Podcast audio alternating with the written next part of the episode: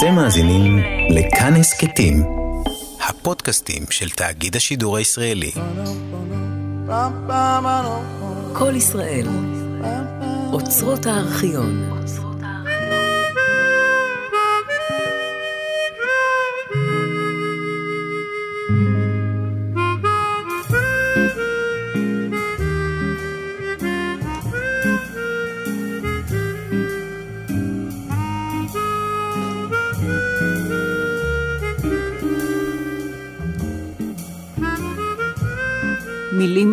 מילים מלוות את חיי. דיוקן של המשורר יהודה עמיחי. חלק שני. משתתפים שר החינוך יוסי שריד, המשוררת דליה רביקוביץ', העיתונאי יגאל סרנה והשר שמעון פרס. מראיינת ועורכת רות קרן.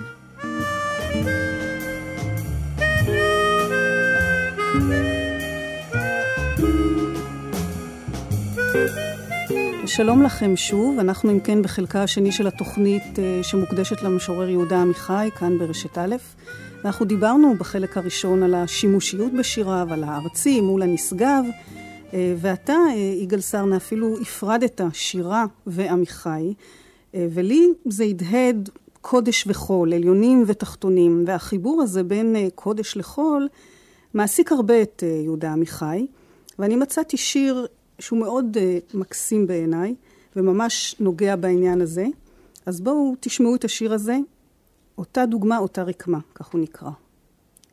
ראיתי איש חובש, כיפה צבעונית, בדוגמת אחד הבגדים התחתונים של אישה שאהבתי אותה לפני זמן רב. הוא לא הבין מדוע הסתכלתי בו ומדוע הסתובבתי אחריו, הוא משך בכתפיו והלך לו. ואני מלמלתי לעצמי, אותם צבעים, אותה רקמה, אותה דוגמה. אותה רקמה, אותה דוגמה. זה נפלא, זאת אומרת, מה שבאמת מיוחד בו, ואני עכשיו לא יכולה לחשוב על מישהו כמוה, אין לו טיפת פוריטניות. נכון. יש לו שיר, נדמה לי, בספר האחרון שלו, פתוח סגור. פתוח על איך הוא, איך הוא מסתכל כשר חינוך, לא נעים לי, לא נעים לי להיות יותר מדי מפורש, אבל איך הוא עוקב אחרי מצעדה של בחורה, איך הוא עוקב אחרי, אה, אחרי אה, תנועת, אה, תנועת הכוז שלה. זה דווקא מאוד ישראלי, אני חושבת שישראלים, זאת אומרת, אהבת הפיקסציה על הכוז. היא בהחלט תכונה של גבר ישראלי. נו, אז הוא באמת, הוא באמת, הוא באמת, הוא באמת, בין השאר, והיקי הזה הוא משורר מאוד ישראלי. לא, אבל אני, מה שרציתי באמת כן, למקד פה בעקבות. השיר הזה, זה באמת את החיבור שהוא עושה בין, אה, בין קדושה ל, ל, לחולין. אה, יצחק לאור, המשורר, אמר עליו בהקשר הזה, לגוף אצל עמיחי יש מעמד של קדושה, לסקס מעמד של דת, לאהבה עמדה הירואית. ואגב, יש לו לעמיחי גם תסכית שעוסק בחיבור הזה של קדושה ואירוטיקה, שנקרא לאהוב בירושלים, שכולו, כולו בעניין הזה על זוג אוהבים שמחפשים איפה לעשות אהבה, והם עושים את זה בכל האתרים המקודשים. היה בעמדות האלה שלו לגבי קדושה וחולין איזשהו חידוש שלא היה קיים קודם אצל אחרים? בטח, הוא לוקח את כל ירושלים. והפוך ממה שאחרים עושים, הוא לוקח את כל ירושלים, וירושלים בשבילו זה אילוסטרציה למה שהוא רוצה לומר, נניח בעניינים של אה, בינו לבינה. האחרים עושים הפוך, הם אה, לוקחים את כל מה שהם מרגישים ו... ורותמים את זה לירושלים. אצלו ירושלים זה אילוסטרציה. או אילוסטרציה, אני לא יודע, זה, זה חומרים, ירושלים גם היא חומר שהוא משתמש בחומר הזה כדי לספר על האהבה שלו. ועל האהבה האישית הפרטית שלו, ולא אהבה ל... להר הבית, כן? אמ, זה, זה, זה, כן, זה הייחוד שלו. ירושלים מקדשת את אהבה ולא האהבה. נכון, ולא, נכון, בדיוק, כן.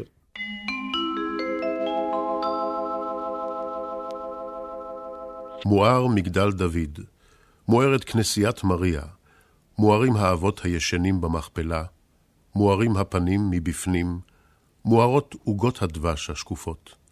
מואר השעון ומואר הזמן העובר בירכייך, כשאת פושטת שמלתך. זה שהוא לא בור, זאת אומרת, הוא לא היה צריך ללכת אה, ללמוד תודעה יהודית בכדי להכיר את הפיוטים, הוא פשוט מכיר את זה מהבית. נכון. כן. הוא גם משורר עם המון, אה, המון חברים, ו... והחברים מופיעים כל הזמן. ואני זוכר שהוא כתב פעם על דני סילק, שהוא אוסף את ה... שהוא היה חולה, ושהוא אוסף גפרורים שרופים בתוך קופסה. מין תמונות קטנות כאלה שנותנות uh, תחושה של אינטימיות. אגב, זה די אופייני לעמיחי בכלל, ההיפוך הזה של דברים, הסיבוב ראש הזה שהוא עושה לנו, הסתכלות שונה על, על דברים uh, טריוויאליים. אנחנו הרבה מדברים על יכולת החדירה הרגשית שלו, אבל לא פחות uh, באמת בולטת האמירה הפילוסופית המבריקה שלו.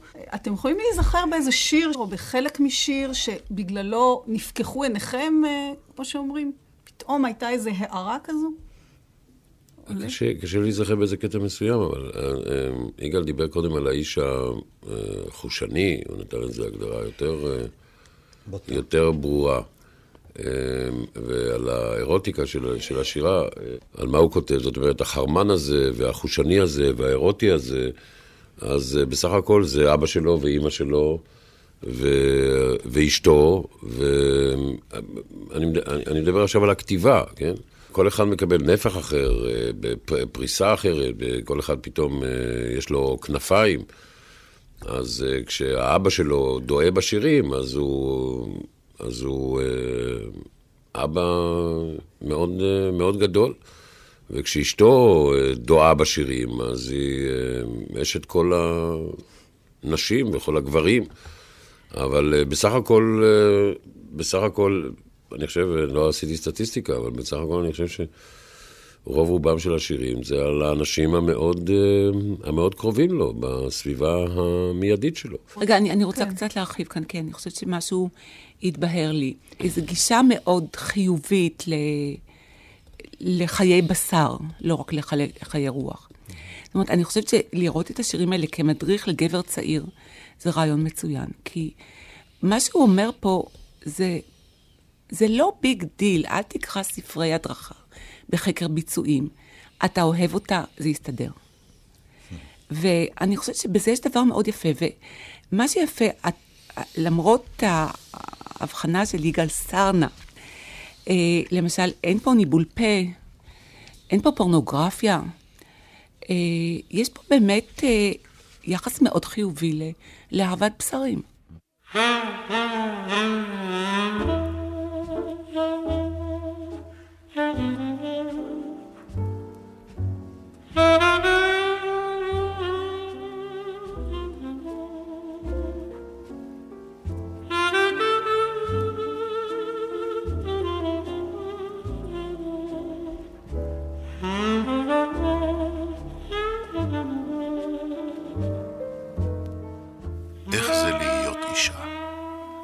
איך זה לחוש ריקנות בין רגליים, וסקרנות בחצאית, בקיץ, ברוח, וחוצפה בעכוזים.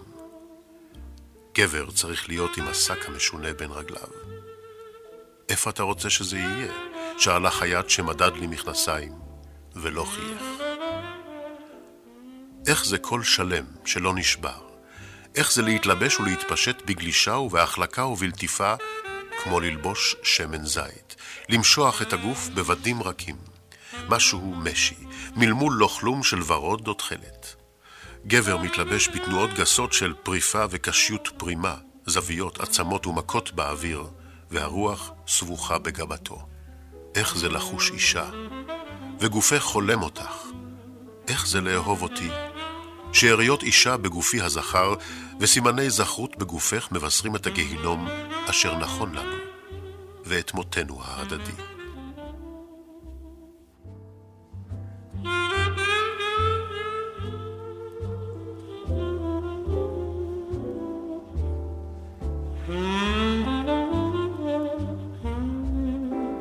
אני רוצה בכל זאת לחזור לעניין ההסתכלות האחרת שלו על, אה, על כל מיני דברים שאנחנו לא כל כך נותנים עליהם את הדעת, ואני אוביל אתכם לנתיב הזה שוב דרך שיר שיחדד את השאלה שלי. לשיר הזה קוראים שמשון.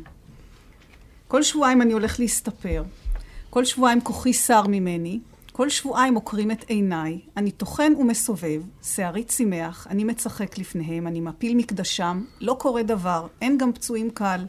כל שבועיים אני הולך להסתפר וחוזר חלילה, בלי להזכיר את מה שקורה לי עם דלילה כל שבועיים. נו, זה נהדר, אין שום כבוד, אין שום כבוד מזויף לחומרים. הכל פה מעורבב, התנ"ך והעברית היומיומית והדימויים הקדושים האלה, זה, זה נהדר. כשהוא כותב על דמויות מהתנ"ך ועל מיתוסים ועל חגים, אה, זה בטח נושא שקרוב ללבך, השר שריד. אנחנו עם רווי מיתוסים, עם שמייצר מיתוסים ללא הרף. מה קורה למיתוסים אצל עמיחי באמת? הוא מושיב אותם על הכיסא של הספר. וזה הדבר הנפלא. זאת אומרת, החיבור, החיבור הזה, תראי, הרי צריך להיכנס לתוך הראש שלו. אז ככה, קודם כל דליה באמת דיברה על הרבדים התרבותיים שלו, הלשוניים שלו. במובן הזה הוא באמת בר אוריין. הרי בכל, בכל משפט, בכל פסוק, אתה רואה את הרובד התרבותי הלשוני. אז, אז יש, יש כאן ככה, אז הוא הולך לספר. הוא הולך לספר. פעולה טריוויאלית פשוטה. נכון, הוא הולך לספר וגוזזים את שערו, אז יש להניח, הוא אומר, גוזזים את שערי, אז מה היה קורה לו שמשון היה יושב כאן במקומי, כי לשמשון יש יותר שיער משלי. ופתאום הוא מתחבר לשמשון, ושמשון מתחבר אליו, והוא אה, מבין את, ה, את החיבור הגרוטסקי הזה. איך אפשר לקחת בן אדם כזה, להפוך אותו משורר לאומי? הרי הוא משורר אנטי-לאומי, אם את לוקחת את הלאומיות כיום הישראלית... מה פתאום, הוא לא אנטי-לאומי. לא אנטי-לאומי. אני אסביר מה אני מתכוון. אני אסביר.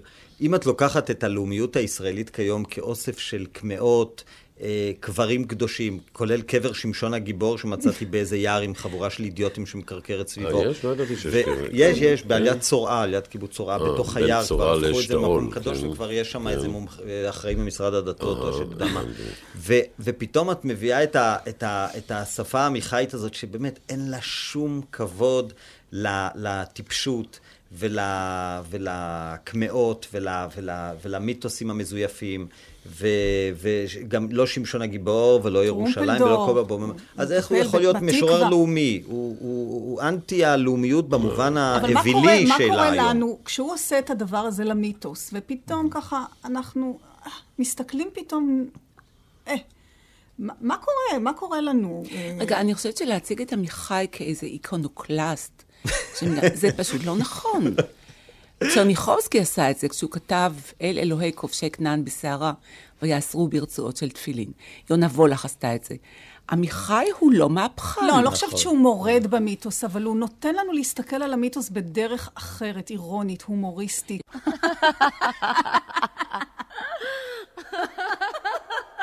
וכבר צירה בחול בבוהן רגליו את שלמה כביכול, את שלמה כביכול כמו כדור, כמו דג בזקן, כמו ענן בלי עניין, כמו חצי עוף וחצי שלמה, כמו חצי עוף וחצי שלמה.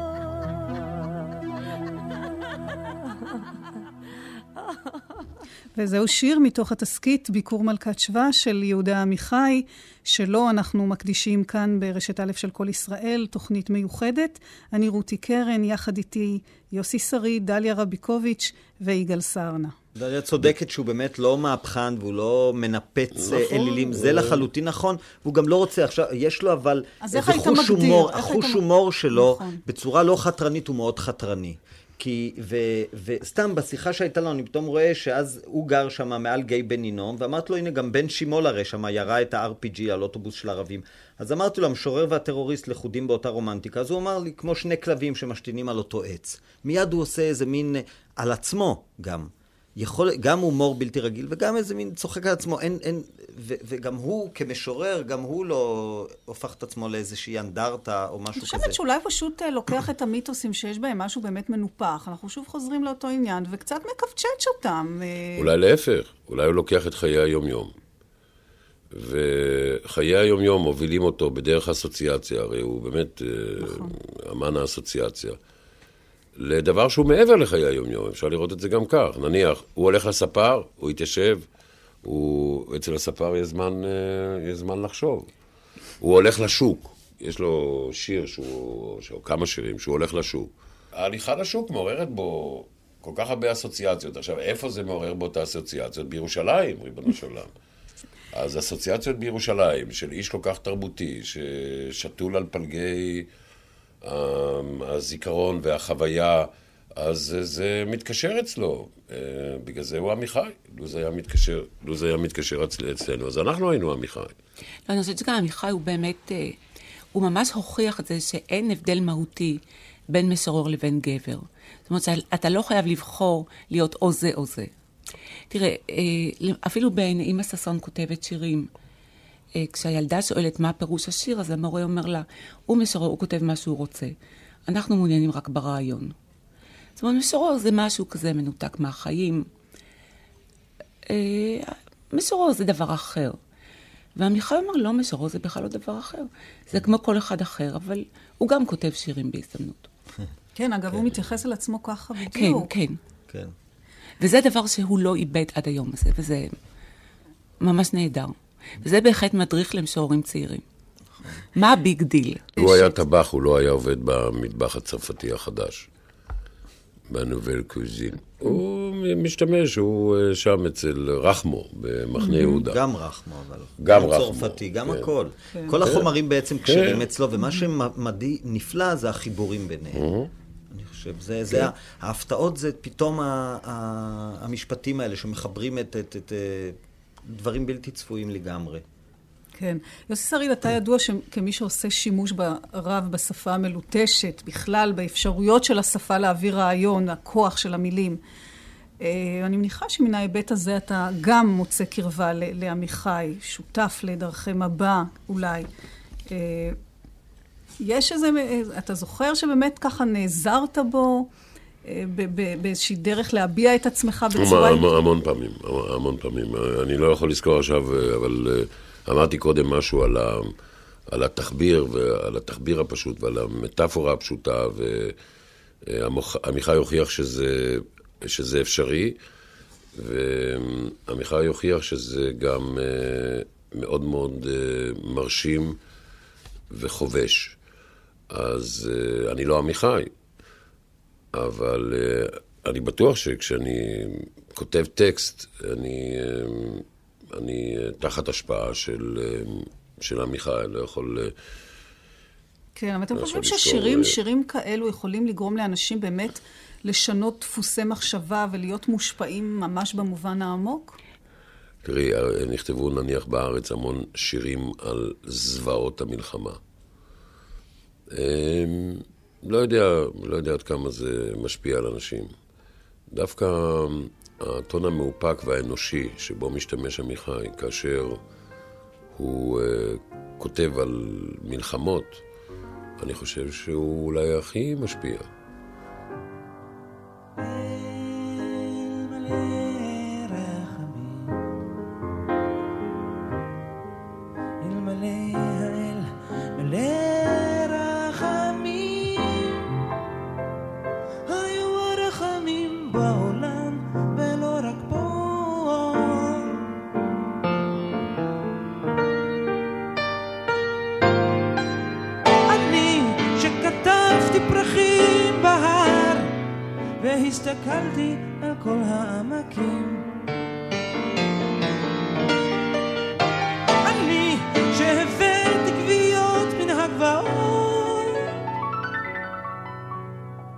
יודע לספר שהעולם ריק מרחמים.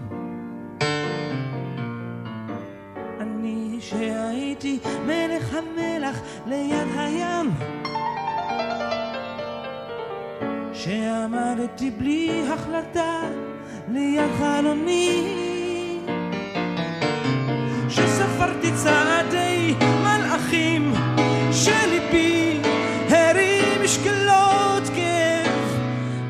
בתחרויות הנוראות.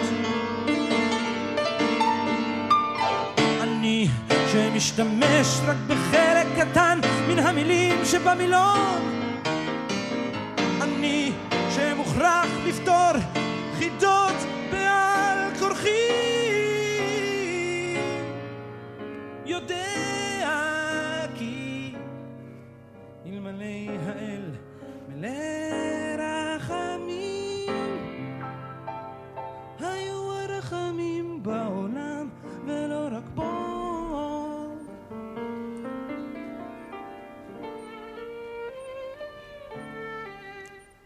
שמעון פרס אמר פעם על שירי עמיחי שהם הכינו את העם, הכינו את הלבבות לשלום, ואנחנו הזמנו לכאן את השר אה, שמעון פרס, ושאלנו האם באמת יש כוח כזה מניע לשירים ולשיריו של עמיחי בפרט.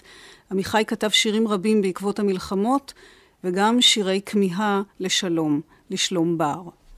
לא זה של שביתת נשק, אפילו לא של חזון זאב עם גדי, אלא כמו בלב לאחר ההתרגשות. לדבר רק על עייפות גדולה. אני יודע שאני יודע להמית, לכן אני מבוגר.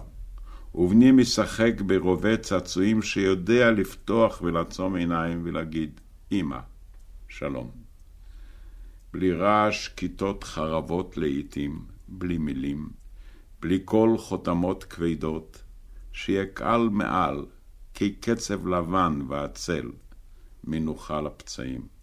אפילו לא ארוחה, וזעקת יתומים נמסרת מדור לדור, כמו במהירות שליחים, מקל לא נופל. שיהיה כמו פרחי בר, פתאום בכורח השדה, שלום בר. ושלום לראש ממשלת ישראל לשעבר והיום השר לפיתוח אזורי, מר שמעון פרס. מר פרס, אנחנו מארחים אותך כאן באולפן רשת א' של כל ישראל, בתוכנית מיוחדת שאנחנו מקדישים למשורר יהודה עמיחי, שאת שירו שלום בר קראת עכשיו.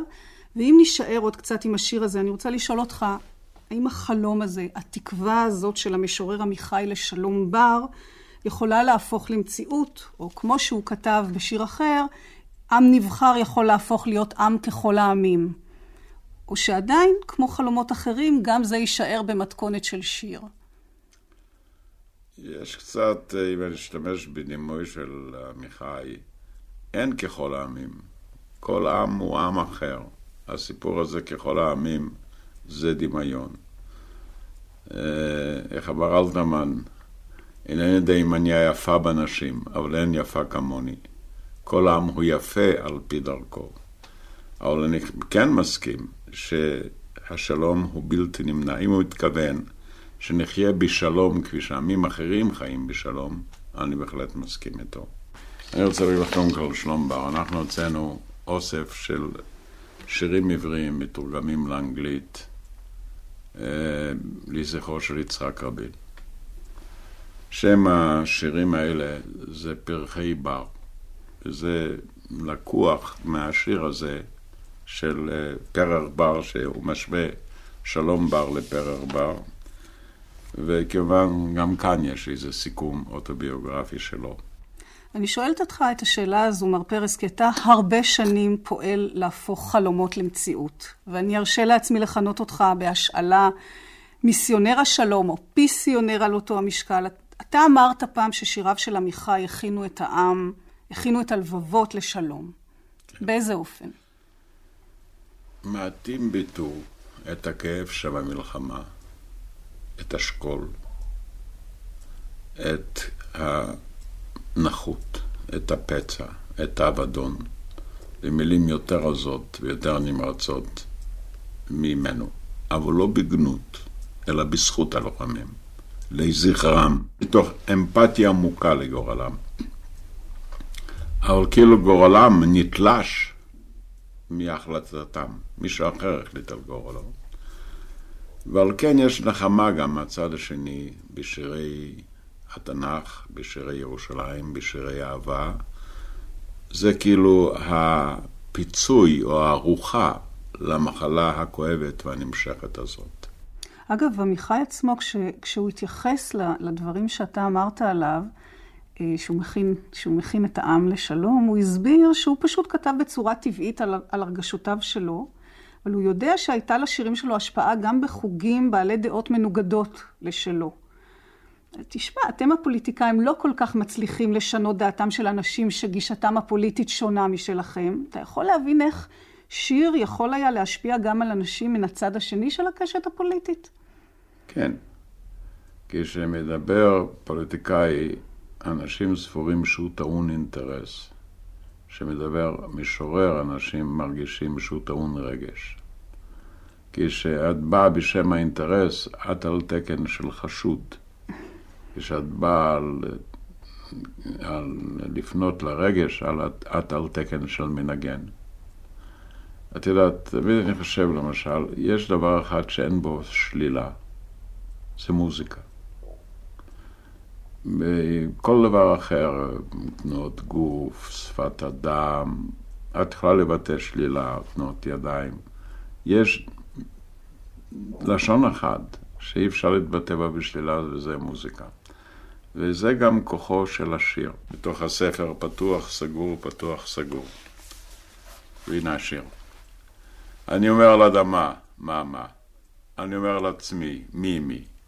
אני אומר ליקום, קום והוא לא קם. אני אומר לתקווה, קווי קווי. לפחות קווה קווה, לפחות וווה. אני אומר לשמחה, חכה. אני אומר לעצב, קצף, קצף. לזיכרון, רון, רון. וגם לשכחה, חה, חה, חה. לימים שהיו, יו, יו. לימים שיבואו, בואו, בואו. לצאצאי, צאו, צאו. אך תישארי עמי, מימי, ומילת הקסם האחרונה שלי, אדרבה, כמו הברקדברה של קוסמים, אדרבה, כמו שמי רבה, בבא. פשוט מבחינה מוזיקלית טהורה זה כל כך יפה ויש כאן כמובן אסוציאציות משפת הילדים ומשפת התנ"ך וכדומה. אבל יהודה עמיחי איננו משורר של מוזיקה, גם איננו משורר של שירים כלילים. גם כשאומר דברים שליליים, הוא לא שלילי. יש בו משהו מפצה וכובש. אולי גם לפעמים כוחה של אמת מפתעת שמופיעה מתוך איזה ערפל אה, פתאומי. המדינאים במקרה הטוב ביותר מדברים על ההיגיון. המשוררים מדברים לדבר שהוא עולה בעיניי בחשיבותו על ההיגיון, וזה הדמיון. משוררים גדולים, סופרים גדולים, מובילים אותנו אל מחוזות חפץ חדשים שלא ידענו, אולי גם שאינם קיימים. והם פונים אל דבר שהוא חזק מן ההיגיון, ההיגיון כולו מתפרנס מן העבר, וזה אל הדמיון המפרנס את העתיד, המפרנס את החדש, את הנעלה, את הנשגב, את הבלתי מושג. לפעמים הכואב מאוד, לפעמים המשמח מאוד. והשירה היא באמת מתומצתת, זה כוחה. היא יכולה לחדור כמו מחט עדינה לעורקי הגוף ולהזרים בדם נוזל חדש. תסתכלי גם, מה אנחנו זוכרים בסופו של דבר? משפט שאמר לינקולן ומשפט שאמר המלט ומשפט שאמר דון קישוט. חיינו מורכבים מהרבה מאוד קטעי שירים, אפילו נאמר הקטע הזה שרק הקראנו עכשיו, פרחי בר. שהשלום דומה לפרח בר, לא לפרח שמטופק בגינה. אז, אז באמת, אתה מדבר על, על שאנחנו זוכרים משפטים. יש אה, באמת איזה שיר, שורה, בית, באמת של עמיחי, שככה נגע בך, אה, עודד אותך, נתן לך חיזוק לתחושות המדיניות ואולי גם האישיות, אה, בזמן שככה, הרי מעשיך המדיניים לא אחת הקדימו את זמנם, לקח זמן עד שהם נטמעו והתקבלו. אתה זוכר באיזשהו הקשר של אירועים או זמן מסוים איזשהו שיר שככה נאחזת בו? בליבי כן. למשל, מה עושה מלח ברפובליקה של כאבים? או למשל, כולנו בני אברה, אברהם ונכדים שאתה אוהב. זאת אומרת, בני אברהם יכולים לריב, אבל יש לנו נכדים שכולנו צריכים אה, לאהוב.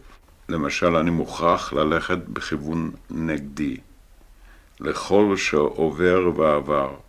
כך אני חש שאני חי בירושלים. נורא יפה. Glorifie le Seigneur Jérusalem, célèbre ton Dieu au Sion. Il a renforcé les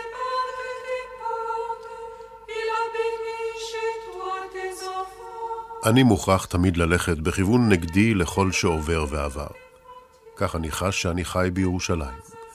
אני הולך נגד תהלוכות הצליינים בעיר העתיקה, אני מתחכך בהם, משתפשף, חש את הרג בגדיהם ומריח את ריחם ושומע את דיבוריהם וזמרתם.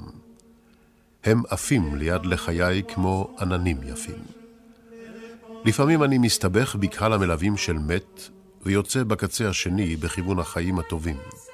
ולפעמים אני שבוי בתוך מצעדי שמחה, ומרים יד כמו שחיין נגד הזרם, או כאומר שלום, שלום, לכו, לכו לכם, ואני לצד השני, אל אבלי ומנוחתי. אני הולך נגד הגעגועים ונגד התפילות, כדי לחוש את נשמתם החמה על פניי, ואת זמזום ורשרוש חומרי הגעגועים והתפילה. וכך, אולי, נוצרת דת חדשה, כמו אש מגפרור משתפשף, וכמו החיכוך שעושה חשמל.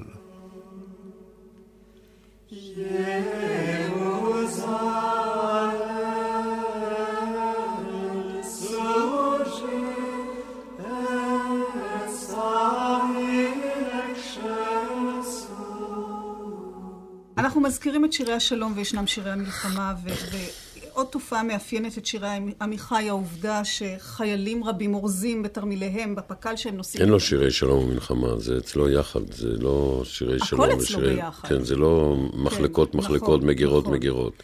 אה, התופעה הזו שחיילים לוקחים אה, אה, את עמיחי בתרמיל. השאלה לא אם חיילים לוקחים את לא. עמיחי בתרמיל, אלא השאלה אם עמיחי לקח חיילים בתרמיל שלו, ואת זה הוא לקח, בהחלט כן. יש הרבה שירים שהחייל בעצם הוא, אה, החייל בעצם על גבו, החייל המת שהוא חי, והחייל החי שהוא מת, אה, על גבו של, אה, על גבו של יהודה עמיחי. ומה נשיר בטקס? פעם שרנו בשיר העמק, מי ירה ומי זה שם נפל, בין בית אלפא לנהלל. עכשיו אני כבר יודע מי ירה, ואני יודע את שמו של מי שנפל. הוא היה ידידי. אני רוצה כן, כאן קצת דן. להרחיב שוב, שאם אמרתי קודם שמשורר הוא גם בן אדם, אז אה, אה, זאת אומרת, גם חייל יכול להיות משורר. זאת אומרת, זה לא דברים נפרדים שיש חייל, בן אדם, משורר, נמלה, וכל אחד הוא קטגוריה נפרדת. זאת אומרת, אני חושבת שמי שקורא שירים ואוהב אותם, זה פשוט מעשיר אותו, כמו מי שלומד פיזיקה, הוא מתעשר מזה. זאת אומרת, זה, זה מין הדברים ש, שמעשירים את, את בעליהם. כן, אבל שירים של עמיחי, בנוסף לזה שכן, כן, אה, אה, חיילים, מסתבר, בכלל אנשים צעירים מתחברים אליו מאוד, מרבים לקרוא שירים שלו באזכרות, אה, אה, טקסי זיכרון, בטקסים ממלכתיים. יגאל, יש לך הסבר לתופעה הזו? לא, שיש לו שורות שימושיות, פשוט מאוד. אמרנו כבר שהוא איש מאוד שימושי, ואני זוכר שעכשיו שאת מזכירה לי את זה, שבדיעבד השתמשתי בו בצבא, כי uh, כשהיה, ביום האחרון של מלחמת יום כיפור, עליתי, עלינו קבוצה של טנקים שם למוצב החרמון, והיה קרב, ואחרי זה בצד הדרך הייתה, בסוף הקרב הייתה שורה של איזה 20 אלונקות של לוחמי גולני שנהרגו כל אחד בתנוחה האחרונה שלו, ו... והגשם יורד על פני רעי המתים, וזה זה פשוט, אה, זה התבקש, זאת אומרת, יש שורות שלו שהן יושבות לך ב, ב, במוח, והן אה, מופרשות או מופיעות אה, ברגע שאתה נתקל בסיטואציה, והן מתארות אותה בדייקנות. יש, אה, יש אה, שתי סיבות שהן כל כך אה, למדות מעניינן, שמביך לומר אותן. קודם כל, מבינים אותו. מה דעתכם על הרעיון המהפכני הזה? אני חושבת כל- שזה כל- בהחלט עוזר ומסייע. כן, בהחלט. קודם כל אה, מבינים אותו, ומכיוון שכבר סיכמנו ורשמנו לפנינו שהוא גם אנטי פתוס, ואני לא חושב שיש נטייה מיוחדת היום לאנשים צעירים לאיזשהו פתוס, אז גם מבינים אותו, וגם הוא אנטי פתוס, אה, וגם, וגם יש הרבה אסונות וטרגדיות. שמחייבות לפעמים, אה, על פי, על פי התחושה הפנימית, לא על פי כללי הטקס והפרוטוקול, אה, לקרוא משהו שהוא מעבר לטקסטים הרגילים שמופיעים בעיתונים. אז ברור לגמרי שהיד נשלחת, קודם כל, לספר של עמיחי. נראה לי כן, הכי טבעי והכי אנושי. הדוגמה אולי הבולטת המרגשת ביותר לעניין הזה של הקראת שיר שלו בטקסים הייתה כאשר אה, ראש הממשלה יצחק רבין, זיכרונו לברכה, הזמין את יהודה עמיחי איתו לטקס הענקת פרס נובל לשלום, ושם קרא רבין את השיר אלוהים מרחם על ילדי הגן. מאוחר יותר, אה, רבין קרא יחד עם עמיחי, בטקס ליום הזיכרון לחללי צה"ל, את השיר על דיקי, אה, מפקדו של עמיחי כן. שנפל. יצחק רבין, כפי שהכרנוהו, אה, הוא בדיוק הדוגמה. אני, אני חושב שיצחק רבין לא... אני מרשה לעצמי לשער שהוא לא קרא הרבה שירה, ו... ולזכותו צריך לומר שהוא גם לא התיימר אף פעם. ו... והוא גם אה, היה מזוהה בביוגרפיה שלו עם אנשים, עם משוררים אחרים. אה, ואפילו תאר לעצמי, בא לכתה בשפתיי, שאולי מישהו הציע לו את, ה, את השיר הזה. אה, אני מתאר לעצמי שזה, שזה אפשרי. ואז הוא קרא. וראה כי טוב, זאת אומרת, הוא אמר, שמע, זה, זה בדיוק מה שאני, זה בדיוק מה שאני צריך. זה מתאים לו באמת, היעדר הפתוס. כן, היעדר הפתוס. בדיוק, זה היעדר הפתוס. הוא אמר, זה, זה בדיוק. עכשיו, מי שהציע לו את זה גם, ידע למי הוא מציע ומה הוא מציע. ואני חושב שזו בדיוק הדוגמה הכי טובה. כן. שרבין, רבין, לו הייתי צריך לנחש, היו נותנים לי עשרה משוררים והייתי צריך לנחש את מי הוא יקרא, אני חושב שזה לא מסובך מדי לומר, יש להניח שהוא יקרא שיר של עמיחי. God takes pity on kindergartners, wrote the poet Yehuda Amichai, who is here with us this evening. And I quote him God takes pity on the kindergartners, less so on the school children and will no longer pity their elders, leaving them to their own. And sometimes they will have to crawl on all fours through the burning sand to reach the casualty station bleeding. For decades, God has not taken pity on the kindergartners in the Middle East or the school children or their elders, there has been no pity. The Middle East for generation. ואנחנו שמענו כמובן את קולו של ראש הממשלה לשעבר יצחק רבין, זיכרונו לברכה, קורא את שירו של יהודה עמיחי, אלוהים מרחם על ילדי הגן, בטקס הענקת פרס נובל לשלום באוסלו. יחד עם יצחק רבין קיבל את הפרס גם השר שמעון פרס, אה, ואנחנו נחזור אה, לשיחה איתו על יהודה עמיחי. אה, באחד משיריו כתב עמיחי, כשם שהזמן איננו בתוך השעונים, כך האהבה איננה בתוך הגופים. הגופים רק מראים את האהבה. ועל המשקל הזה אני מרשה לעצמי להוסיף שאצל עמיחי אולי גם השירים אינם רק בתוך הספרים, הם יוצאים מתוך הספר ונעשה בהם שימוש יומיומי, אישי, ציבורי, שחורג מן המסגרת הרגילה של שיר, של שירה. פעם אמרתי שהשוויצרים יצרו את השעונים, היהודים יצרו את הזמן. ואין ספק שאנשים יצרו את השירים, היהודים יצרו את השירה. ויצא לי יותר מאשר פעם לצטט את יהודי יהודה עמיחי בדברים שונים, אני אין זוכר ברגע זה את הציטוטים, אבל מדי פעם בפעם אני חוזר אליו. בדרך כלל בימי סיכום, או כשמציגים איזה רעיון חדש, תוכנית חדשה. הוא וירטוז של המילים, ולפעמים הוא, הוא מזכיר לי יותר אה, היכל יפני מאשר היכל צרפתי. היכל הצרפתי מלא נברשות ורהיטים כבדים ופנינים וזהב וקישוטים. ההיכל היפני עושה מהפשטות דבר נשגב. הצמצום. הצמצום. כמעט ההסתתרות. ואני אף פעם לא יודע איפה יותר יפה. בהיכל המלא אבנים טובות, או בהיכל המלא טעם מרתק. ויש לפעמים הרגשה כזו שנכנס לשירים שלו ככניסה להיכל יפני כזה. מה שמעניין, את יודעת, זה מאוד מקל, הוא הלא מתרגם חלק גדול מהשירים שלו לאנגלית. זה תענוג לראות את הצחות של הביטוי בשתי השפות, גם בעברית, גם באנגלית. אין כל קושי לעבור מלשון ללשון. מאוד קשה לתרגם שירה. היא סרבנית בצורה בלתי רגילה. והשירים של יהודה עמיחי ניתנים לתרגום כמעט כדבר המתבקש מאליו. אני סבור שהיצירה הגדולה באמת שלו היא היצירה הפילוסופית, ספרי, אה, סיפורי התנ"ך וסיפורי ירושלים. בירושלים, שזה גם כן רואה את ירושלים בכל ממדיה, ירושלים כאהובה, ירושלים כעתיקה, ירושלים כמשל, ירושלים כאבן מרכזית בחייו של העם היהודי. הוא אומר על ירושלים שהיא פומפיה ממאנת, היא ממאנת להיות פומפיה, העיר שלא ניתנת לארצות, להרוס. הוא הכניס לפילוסופיה בהירות, ולליריקה הוא הכניס היגיון.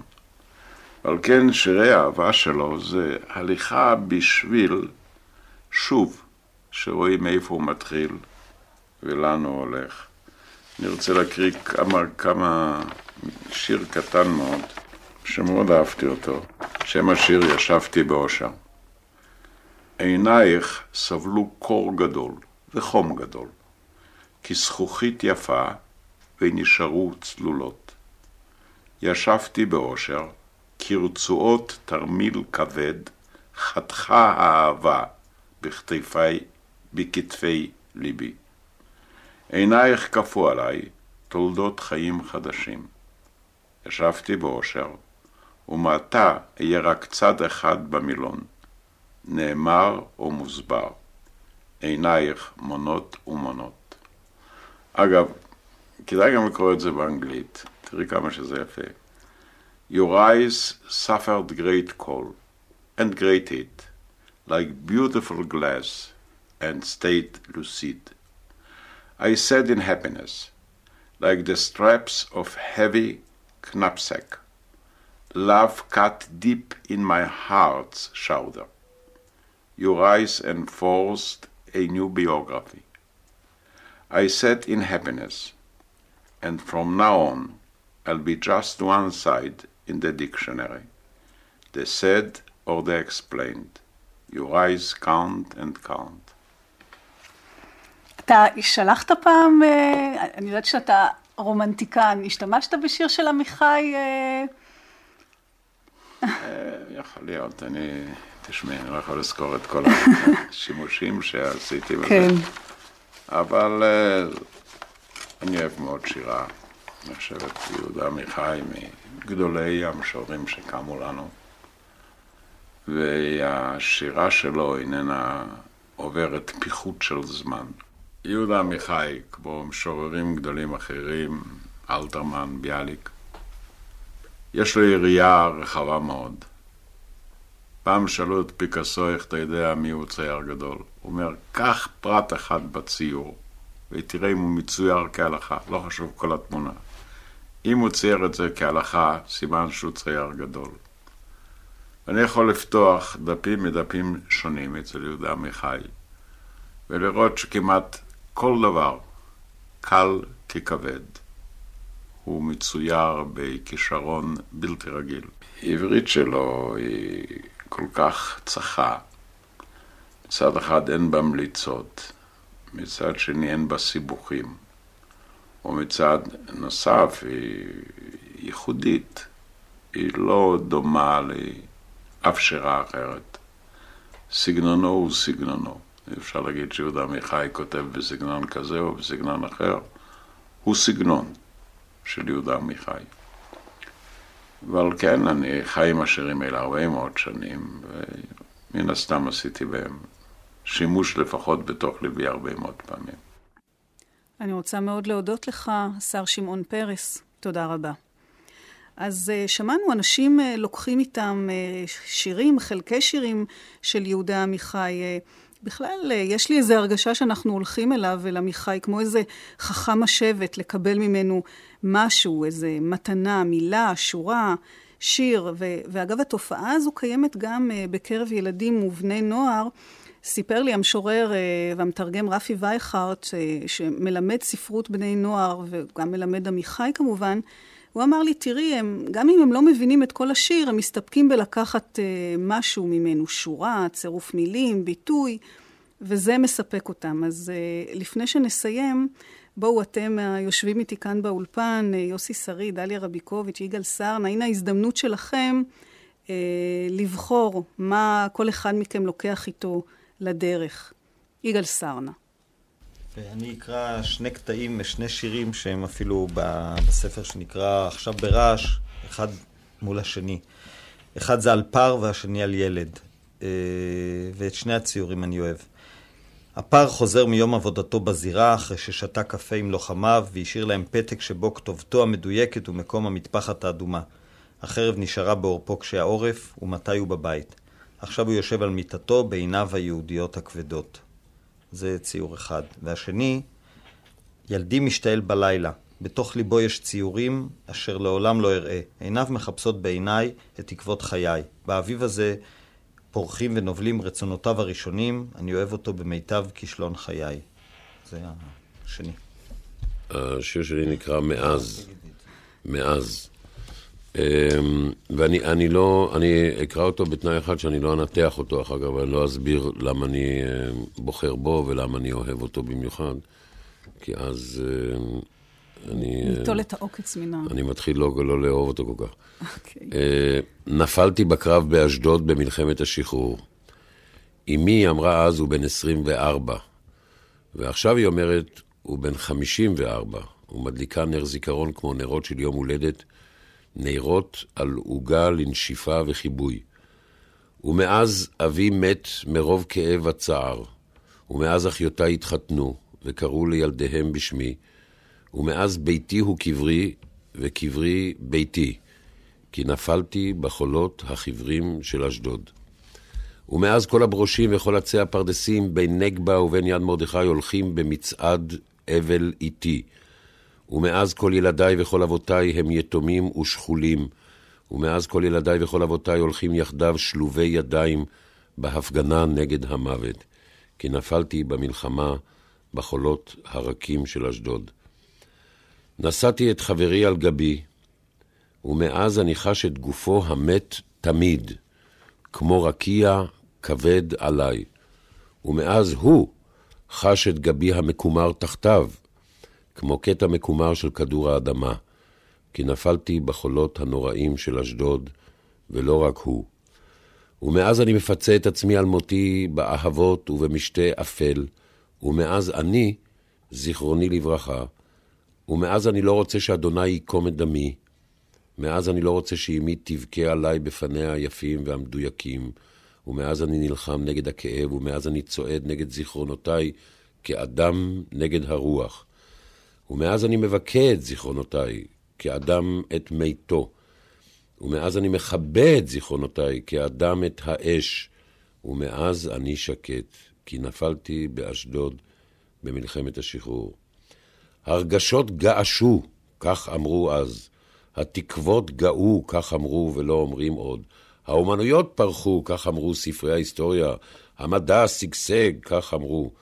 רוח ערב הצנה להם את המצח הלוהט, כך אמרו אז. רוח בוקר בידרה להם את בלוריתם, כך אמרו. ומאז הרוחות עושות דברים אחרים, ומאז המילים אומרות דברים אחרים. אל תראוני שאני חי, כי נפלתי בחולות הרכים והחיוורים של אשדוד במלחמת השחרור. אגב, פה בשיר הזה, הוא בעצמו, אמרתי שאני לא זה, אבל בכל זאת משהו. אה, הוא בעצמו שם ללעג את כל המליצות, אתה שם לב? הרגשות געשו, כך אמרו אז. התקוות גאו, כך אמרו ולא אומרים עוד. האומנויות פרחו, כך אמרו ספרי ההיסטוריה. המדע שגשג. רוח, הנה פה יש אפילו איזה, איזה מליצה ספרותית. רוח ערב הצנה להם את המצח הלוהט, כך אמרו אז. רוח בוקר בידרה להם את בלוריתם. זה, זה, זה, זה, זה שיר נפלא. דליה, דליה רביקוביץ'. אה, כן. אני, אני רק רוצה להגיד שאני ככה קצת אה, מסותקת מהעוצמה של השיר הזה. אה, זאת אומרת, איך אדם עד כדי כך יכול להכיל בתוכו את המוות. איפה השיר שיוסי? הש- השיר שיוסי קרא, זה- זה שיר שבעוצמה של, של יייטס, של, של גדולי המשוררים. אה, אני בחרתי בעצם קטע מפואמה שנקראת בגינה הציבורית, ושבשבילי היא באמת, אה, היא באמת עולם שלם בטיפת מים. המגרש הריק. כל השאלה היא פשוטה. את תעברי את המגרש הריק כדי להגיע אליי, או את מפחדת? ראיתי שניים בלילה שדיברו משהו ביניהם, ואלה לא היו שירים. ובתיבת יהיו רוחות, והרוחות יביאו נייר ממגרש אחר, והרוחות יביאו ריחות, ריחות וגשם מחורף אחר. כל השאלה היא פשוטה. התעבור את המגרש הריק כדי להגיע אליי, או אתה מפחד? האזנתם לחלקה השני של התוכנית מילים מלוות את חיי, דיוקן של המשורר יהודה עמיחי. השתתפו המשוררת דליה רביקוביץ', שר החינוך יוסי שריד, העיתונאי והסופר יגאל סרנה והשר שמעון פרס. השתתף בקריאה גבי ינון. ראיינה וערכה רות קרן.